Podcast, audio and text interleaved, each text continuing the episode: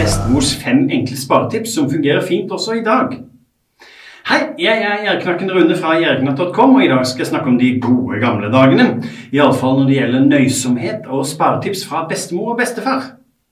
I gamle dager hadde folk flest ikke mye penger mellom hendene. Dermed måtte man jobbe hardt for å få pengene til å strekke til lengst mulig. Du tror kanskje verden var enklere på den tida, og at man var fornøyd med lite. Men behøver vi i dagens samfunn egentlig være så kompliserte? Mange av de tipsene våre eh, besteforeldre vokste opp med, fungerer fint også i dag, og kan fortsatt brukes, mener jeg. Jeg har samla sammen en del tips som de gamle i familien brukte, og formidla videre til oss yngre. Og I den sammenhengen håper jeg på din hjelp også. Har du fått med deg gode tips fra eldre familiemedlemmer, vil jeg svært gjerne høre om dem. Det er jo viktig å formidle til dagens forbrukere, rett og slett for å unngå at vi lar oss spise opp av reklamene som forteller oss hva vi er nødt til å kjøpe for å klare oss. Tips 1. Tålmodighet er bra for lommeboka. Ikke kjøp ting dersom du ikke har råd til dem. I gamle dager fantes det ikke kredittkort, men det gikk jo an å kjøpe på krita mange steder. Det er ingen ønskesituasjon. Dersom det er noe du ønsker å kjøpe, bør du gjøre som tidligere, nemlig spare til det. Her er det særdeles viktig å huske at de gamle i slekta hadde god oversikt over hvilke utgifter som kom når på året. Ta bare jule- og bursdagsgavene, f.eks. Du vet at jula kommer, så det er jo bare sprøyt å fly rundt som en jojo i dagene før høytiden starter og bruke en masse penger på visvas som kanskje ikke gir den gleden hos mottakeren som du håper på. Mange har problemer med å tenke langsiktig og spare til hendelsene som kommer igjen og igjen. Kanskje du bør gjøre som bestemor og bestefar gjorde i gamle dager? Bruke konvolutter og kontanter. Hva mener jeg så med det? Jo, se for deg en konvolutt hvor det sto 'bursdagsgave til min kjære'.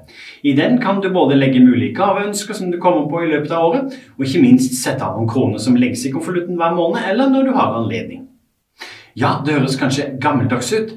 Hvem bruker vel kontanter i dag, liksom? Klarer du å lage et annet system med sparekontoer og Word-dokument i nettskyen eller hva, så er det sikkert like greit også. Men faktum er at disiplin gjerne trer inn når du ser det fysiske. Konvolutten, pengene, gavetipsene på en lapp. Et sånt konvoluttsystem har jeg sett mange eldre har fortsatt. Både for jule- og bursdagsgaver, men også for klesinnkjøp, reparasjoner av ting som skjer hjemme, strømregningen, bil osv. Husk, det er ikke snakk om å ha enorme beløp liggende hjemme til fristelse for deg eller potensielle tyver. Finn din egen løsning.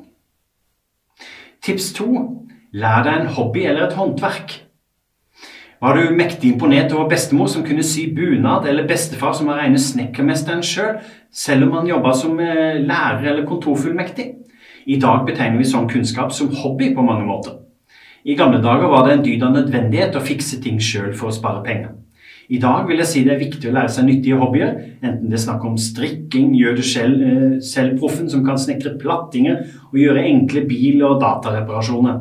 De aller fleste av oss kan noe annet enn den sedvanlige jobben. Føler du at du savner en sånn hobbykunnskap, er det aldri for seint. Enten det dreier seg om strikking, bake brød, lage mat, snekkere eller jobbe i hagen, så er man ikke engang avhengig av at noen andre i familien viser deg hvordan det fungerer. Internett er full av kunnskap som bare venter på at du skal finne frem til den. Det smarte med å være flink til noe med hendene er selvsagt også at du både kan spare penger sjøl, eh, tenk på gaver til andre i familien f.eks., eller til og med gjøre kunnskapen om til penger ved å tilby dine tjenester til andre mot betaling. Tips tre lag maten sjøl.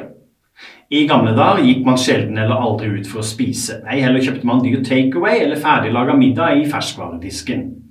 Man lagde maten sjøl, og det er ikke så vanskelig som mange vil ha det til. Ja, vi har kanskje mindre tid pga. lange arbeidsdager og fordi begge eh, hjemme er i full jobb. Men jeg mener heller ikke at du skal ta veien til kjøkkenet og jobbe i timevis der for å lage klassisk søndagsmiddag hver eneste dag. Men noen dager i uka har vi vel bedre tid til å lage middag fra bunnen av enten det er snakk om å bake brød, kaker eller middagsmat. Dersom du lager maten sjøl og tar med deg nistemat hjemmefra, vil du kjapt merke på lommeboka at det blir litt mindre anstrengt. La det ikke bli en vane å handle takeaway eller gå på restaurant. Da kan du glede deg og dine desto mer når det skjer. Det blir en happening. Oppskrifter og ideer til mat fra bunnen av finner du i rikelig monn på internett. Et godt eksempel er Facebook-gruppa som heter Mat fra bunnen. Den gir meg ofte vann i munnen og gode ideer. Tips fire ikke betal for tjenester du kan utføre sjøl. Mange bruker tidsklemma som grunn for å betale seg bort fra tjenester man i gamle dager klarte sjøl. Tenk bare på rengjøring hjemme, stell i hagen, bilvask, handling av matvarer og små hjemmereparasjoner. Dersom du ikke er opptatt i jobb som stjeler hele døgnet, så finner du vel tid til å gjøre mer sjøl. Igjen alt med måte, det gjelder bare å være bevisst på hva man prioriterer. Litt mindre tid til TV-titting og kafébesøk med venner, så skal du nok se at det er fullt mulig. Tips 5. Nyt gratisaktiviteter.